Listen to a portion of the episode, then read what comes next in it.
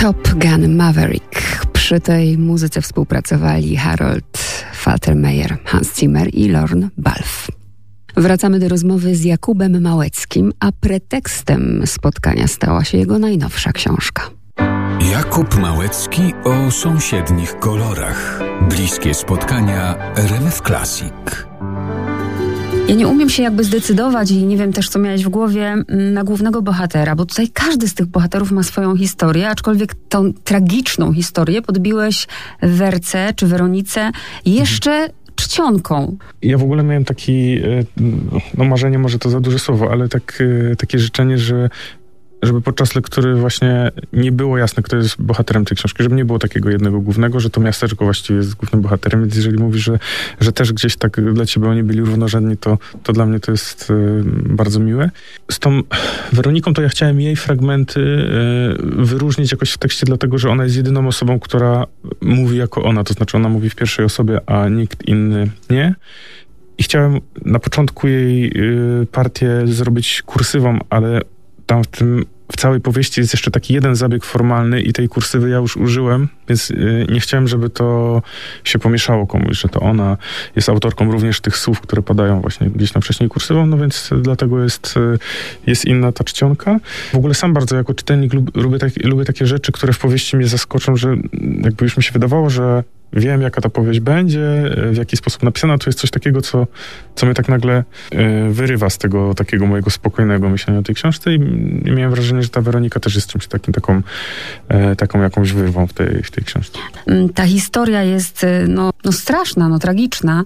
Mówimy enigmatycznie, drodzy słuchacze, mhm. ale przeczytacie książkę, że, że ona aż, właśnie ona ma tak, wiesz, tak kłuć po prostu po oczach, tak jak ta czcionka. To ja z redaktorką miałem taką rozmowę, bo gdzieś tam podczas pracy nad e, już taką ostateczną wersją tej książki zastanawialiśmy się, czy ten Mikołaj, który no, ostatecznie okazuje się, że miał bardzo duży związek z całą tą e, sceną z udziałem Weroniki, czy on za bardzo nie przeżywa tego, co się jej przydarzyło i mieliśmy takie wrażenie, że kurczę, to w tej książce trochę tak zaczę, zaczęło to wyglądać, jakby to on był większą ofiarą niż ona i jakby mam wrażenie, że dzięki temu, że to jest tak wyróżnione w tym tekście to, co ona mówi, to nie stracimy z perspektywy tego, kto tu, kto tu naprawdę był pokrzywdzony w tej scenie, mm -hmm. że, to nie, że to nie Mikołaj, tylko ona.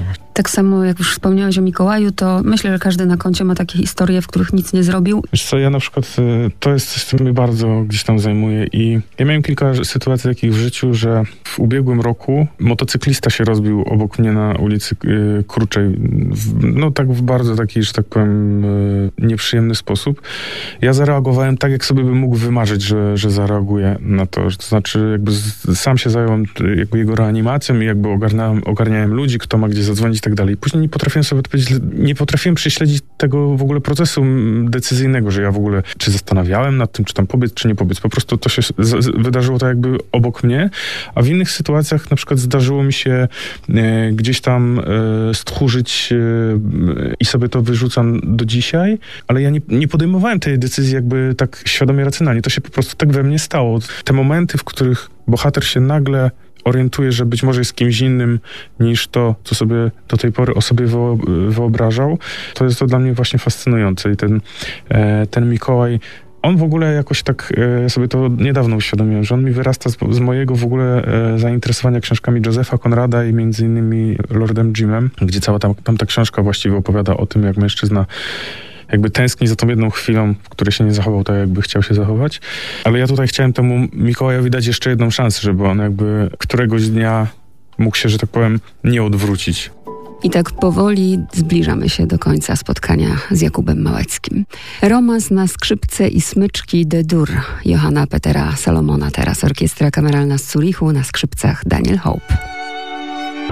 11 minut pozostaje do 20. W RMF Classic muzyka Bartosza Hajdeckiego z produkcji Misja Afganistan. Swoją misję Jakub Małecki realizuje konsekwentnie i niech tak będzie. Bardzo gorąco polecam jego książki tym, którzy jeszcze nie czytali, bo tym, którzy czytają, to wiem, że polecać nie trzeba. Jak mało kto potrafi zamykać emocje w prostych słowach. Właśnie prostota, bezpretensjonalność, szczerość a na kartach jego powieści wszystko co ludzkie: miłości, zdrady, rozczarowania, relacje, narodziny, śmierć, łzy i uśmiech. ale sposób Jakubowy. Na czym polega, przekonacie się zaglądając do jego powieści. Dziękuję bardzo za dzisiejsze bliskie spotkania. Małgorzata Bugaj życzę dobrej, spokojnej nocy, być może z książką Jakuba Małeckiego, a żegnam się piosenką z filmu Absolwent Simon and Garfunkel.